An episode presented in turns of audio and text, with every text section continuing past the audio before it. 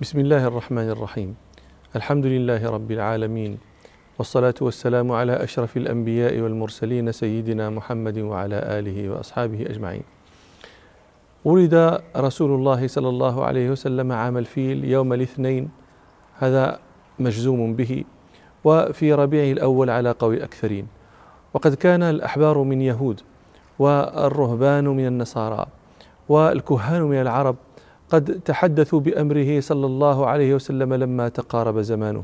فأما الأحبار من يهود والرهبان من النصارى فعما كانوا يجدونه في كتبهم من صفته صلى الله عليه وسلم وصفة زمانه. يدل على ذلك ما رواه ابن إسحاق في سيرته بإسناد حسن.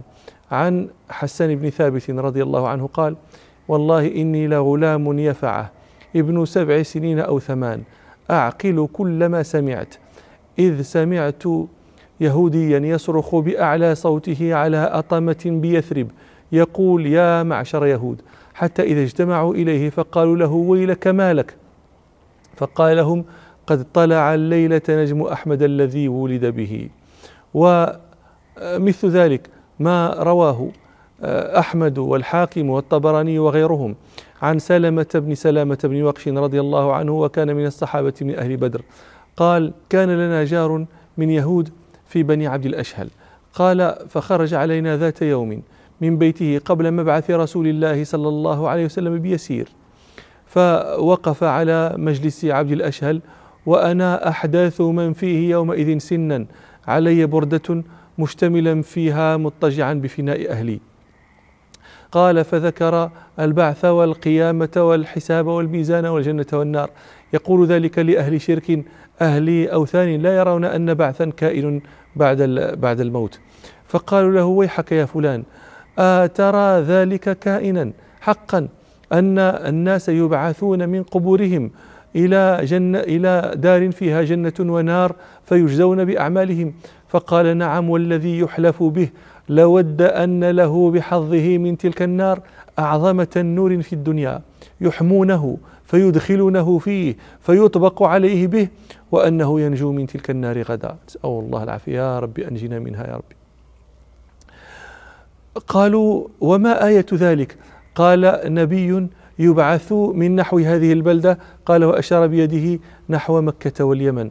قالوا فمتى تراه كائنا؟ قال فنظر في القوم وأنا من أحدثهم يومئذ سنا. فقال إن يستنفذ هذا الغلام عمره يدركه. قال سلمة فوالله ما ذهب الليل والنهار حتى بعث الله رسوله صلى الله عليه وسلم وهو حي بين أظهرنا. ذاك اليهودي.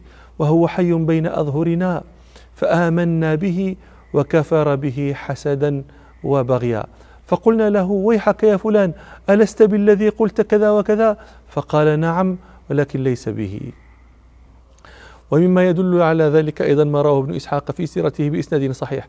عن رجال من الأنصار قالوا إن مما دعانا إلى الإسلام بعد رحمة الله تعالى وهداه لما كنا نسمع من يهود.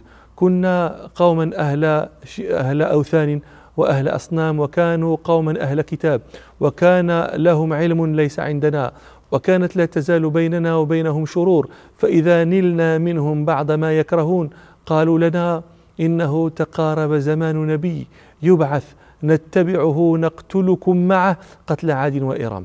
فكنا كثيرا ما نسمع ذلك منهم. فلما بعث الله رسوله صلى الله عليه وسلم أجبناه حين دعانا وعرفنا ما كانوا يتوعدوننا به وبادرناهم إليه فآمنا وكفروا به ففينا وفيهم نزل هؤلاء الآيات من البقرة ولما جاءهم رسول من عند الله مصدق لما معهم وكانوا من قبل يستفتحون على الذين كفروا فلما جاءهم ما عرفوا كفروا به فلعنة الله على الكافرين. فهذا بعض ما يدل على أن أحبار اليهود كانوا يعرفون رسول الله صلى الله عليه وسلم بل يعرفون زمانه صلى الله عليه وسلم. مثل ذلك النصارى.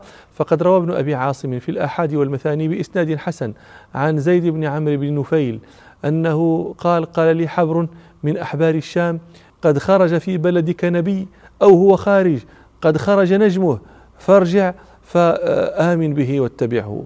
ويدل على ذلك أيضا حديث هرقل مع أبي سفيان الحديث الطويل الذي رواه البخاري في الصحيح والذي فيه أن هرقل سأل أبا سفيان آه، أسئلة كثيرة فقال هرقل آه، في آخر كلامه قد كنت أعلم أنه خارج لكن لم أظن أنه فيكم وإن يكن ما قلت حقا لا يملكن موضع قدمي هاتين ولو عرفت أني أخلص إليه لتجشمت لقية ولو كنت عنده لغسلت قدميه. صلى الله على رسوله وسلم.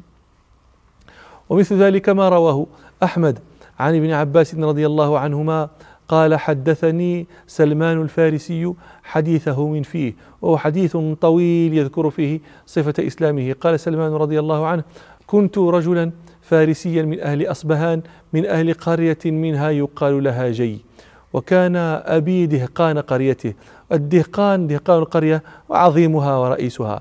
قال وكنت أحب خلق الله إليه فلم يزل حبه بي حتى حبسني في بيته كما تحبس الجارية. قال واجتهدت في المجوسية حتى كنت قطن النار الذي يوقدها فلا يتركها تخبو ساعة. قطن النار هو هذا شرحه وخازنها وموقدها الذي لا يتركها تخبو. قال وكان لأبي ضيعة عظيمة وإنه شغل في بنيان له يوما عن ضيعته فقال لي أي بني إني شغلت اليوم في بنيان عن ضيعتي فأتها وأمرني ببعض ما يريد فيها. قال فخرجت أريد الضيعة فمررت بكنيسة من كنائس النصارى فسمعت أصواتهم فيها وهم يصلون. قال وكنت لا أدري ما أمر الناس لحبس أبي إياي في بيته. قال فلما مررت بهم وسمعت أصواتهم دخلت الكنيسة أنظر ما يصنعون. قال فأعجبني ما رأيت من أمرهم ورغبت فيه وقلت هذا والله خير من الدين الذي نحن عليه. فمكثت معهم فلم أزل معهم حتى غربت الشمس وتركت ضيعة أبي فلم آتها. وقلت أين أصل هذا الدين؟ قالوا بالشام. قال فرجعت آه، بيت أبي وقد باعث في طلبي وشغلته عن عمله كله. فلما رآني قال أي بني أين كنت؟ ألم أكن عاهدت إليك ما عهدت فقلت يا أبتي إني مررت بقوم يصلون فأعجبني ما رأيت من أمرهم. فلم أفارقهم حتى غربت الشمس. فقال أبوه يا بني هذا الدين لا خير فيه. دينك ودين آبائك خير منه. فقلت لا والله بل هذا الدين خير من الدين الذي نحن عليه. قال فخافني أبي فوضع في رجلي قيدا وحبسني في بيته. قال فبعثت إلى النصارى وقلت لهم إذا جاءكم ركب من من الشام تجار من النصارى فأخبروني بهم. قال فجاءهم ركب من النصارى من الشام آه، تجار قال فأخبروني. فقلت لهم إذا قضوا حوائجهم وأرادوا الرجوع إلى بلدهم فآذنوني بهم. قال فلما قضوا حوائجهم وأرادوا الرجوع إلى بلدهم آذنوني. قال فألقيت القيد من رجلي ثم خرجت معهم حتى قدمت الشام. فلما قدمتها قلت لهم من خير أهل هذا الدين؟ فقالوا الأسقف في الكنيسة. الأسقف هو رئيسهم في الديانة هو آه، راهبهم الكبير. قال قال الأسقف في الكنيسة قال فأتيته فقلت له إني قد رغبت في هذا الدين فأتيتك أخدمك في كنيستك وأتعلم منك وأصلي معك. قال ادخل. قال فكنت معه وكان رجل سوء يأمرهم بالصدقة ويحضهم عليها فإذا جمعوا له منها شيئا اكتنزها لنفسه ولم يعطي المساكين شيئا. قال فبكث حتى جمع سبع قلال من ذهب وورق. قال فأبغضته بغضا شديدا لما كنت أرى منه. ثم مات فاجتمع إليه النصارى ليدفنوه. فقلت لهم إن هذا كان رجل سوء. كان يأمركم بالصدقة ويحضكم عليها فإذا جمعتم منها شيئا اكتنزها لنفسه ولم يعطي المساكين منها شيئا. فقالوا له وما علمك بذلك؟ قال فأريتهم موضع القلال. قال فحفروا فأخرجوا سبع قلال من ذهب وورق. قالوا هذا والله لا ندفنه. فصلبوه ورموه بالحجارة وجاءوا بآخر. قال سلمان فما رأيت رجلا لا يصلي الخمس. أي ليس بمسلم. فما رأيت رجلا لا يصلي الخمس أرى أنه أفضل منه. أزهد في الدنيا وأحرص على الآخرة وأدآبوا منه ليلا ولا نهارا. قال فأحببته حبا لم أحبه أحدا من قبل. قال فأقمت معه ثم حضرته الوفاة. فقلت له يا فلان إني أحببتك حبا. لم أحبه أحدا من قبل وإنه قد حضرك من أمر الله ما ترى فإلى من توصي بي وما تأمرني؟ قال أي بني والله لا أعلم أحدا اليوم على مثل ما كنت عليه. قد هلك الناس وبدلوا وتركوا أكثر ما كانوا عليه إلا رجلا بالموصل. فأته وكن معه فإنه على مثل ما كنت عليه. قال فلما مات وغيب لحقت بصاحب الموصل وقلت له إن فلانا أوصاني عند موته أن ألحق بك وأن أكون معك وأخبرني أنك على مثل أمره.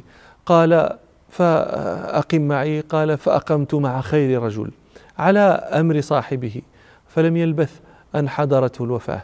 قال فلما حضره الموت قلت أي فلان إني كنت عند فلان فأوصى بي إليك وقد حضرك من أمر الله ما ترى فإلى من توصي بي وما تأمرني؟ قال والله يا بني ما نعلم أحدا بقي على مثل ما كنا عليه إلا رجلا بعمورية. قال فلما مات وغيب لحقت بصاحب عمورية فكنت معه مع خير رجل على أمر أصحابه. قال واكتسبت فكان لي بقرات وغنيمات. ثم حضر صاحب الوفاة. فلما حضرته قلت له إني كنت عند فلان فأوصى بي إلى فلان وإن فلان أوصى بي إلى فلان وإن فلان أوصى بي إليك وقد حضرك من أمر الله ما ترى فإلى من توصي بي وما تأمرني؟ فقال أي بني والله ما أعلمه أصبح أحد من الناس على ما كنا عليه. لكن قد أظلك زمان نبي يبعث بدين إبراهيم يخرج من أرض العرب مهاجرا إلى أرض بين حرتين بينهما نخل. الحرة حجارة سوداء كأنها احترقت بالنار ومدينة رسول الله صلى الله عليه وسلم هي واقعة بين حرتين. قال مهاجرا إلى أرض بين حرتين بينهما نخل له علامات لا تخفى. يأكل الهدية ولا يأكل الصدقة وبين كتفيه خاتم النبوة. فإن استطعت أن تلحق به فافعل. قال ثم مات. ومكثت. ما شاء الله أن أمكث بعمورية حتى مر نفر من كلب تجارا. فقلت لهم آه، تحملوني معكم وأعطيكم غنيماتي هذه وبقراتي؟ قالوا نعم. ففعلوا. قال فأعطيتهم بقراتي وذهبوا بي. فلما كانوا بوادي القرى غدروا بي فباعوني من رجل من يهود عبدا كأني عبد. قال ف فكنت معه ورأيت النخل ورجوت أن تكون البلد الذي وصف لي صاحبي. ولم يحق لي في نفسي لم أستيقن ذلك. قال فأنا عنده إذ جاءه ابن عم له من المدينة من بني قريظة فباعني منه قال فذهب بي إلى المدينة فوالله ما هو إلا أن رأيتها فعرفتها بصفة صاحبي. قال فأقمت بها وبعث الله رسوله صلى الله عليه وسلم. فأقام بمكة ما أقام لا أسمع له بذكر مع ما أنا فيه من شغل الرق.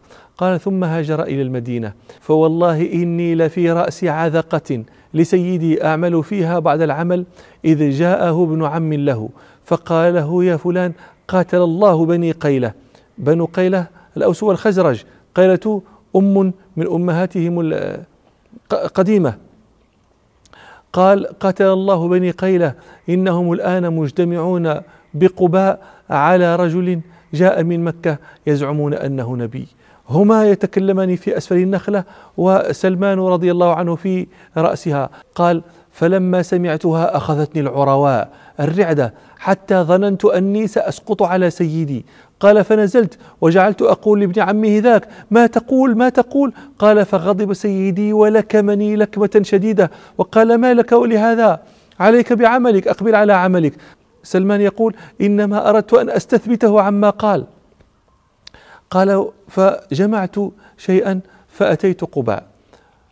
وأتيت رسول الله صلى الله عليه وسلم فقلت له قد بلغني أنك رجل صالح ومعك أصحاب لك ذو حاجة وغرباء. وهذا وهذا تمر كنت أعده للصدقة فرأيت أنكم أحق به فأعطيته إياه. فقال رسول الله صلى الله عليه وسلم لأصحابه كلوا وأمسك صلى الله عليه وسلم يده.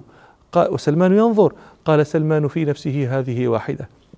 للعلامة التي كان ذكر له صاحبه بعمورية يقول له يأكل الهدية ولا يأكل الصدقة. وبين كتفيه خاتم النبوة. قال سلمان في نفسه هذه واحدة. قال ثم هاجر النبي صلى الله عليه وسلم ثم أتى المدينة من قباء المدينة. قال فجمعت شيئا ثم أتيته فسلمت عليه وقلت قد رأيت أنك لا تأكل الصدقة وهذه هدية أحببت أن أكرمك بها. قال فأكل منها رسول الله صلى الله عليه وسلم وقال لأصحابه كلوا فأكلوا. قال سلمان في نفسه هاتان اثنتان. قال ثم أتيت بقيع الغرقد. ورسول الله صلى الله عليه وسلم في جنازة رجل من أصحابه عليه شملتان فسلمت عليه ثم استدرت أنظر آه، هل أرى الخاتم الذي وصف لي صاحبي؟ قال فلما رأى النبي صلى الله عليه وسلم استدبرته علم أني أبحث عن شيء وصف لي. قال فألقى الشملة, الشملة عن ظهري فرأيت خاتم النبوة بين كتفيه. قال فانكببت عليه وقبله وأبكي. فقال لي صلى الله عليه وسلم تحول.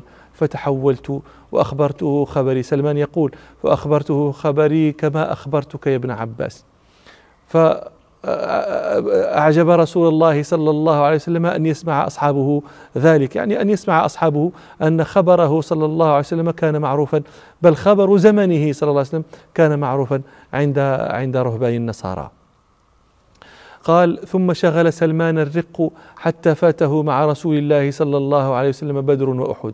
قال سلمان فقال لي رسول الله صلى الله عليه وسلم يوما كاتب يا سلمان المكاتبة أن يتفق العبد مع سيده على مال يؤديه إليه يشتري بذلك حريته قال له كاتب يا سلمان.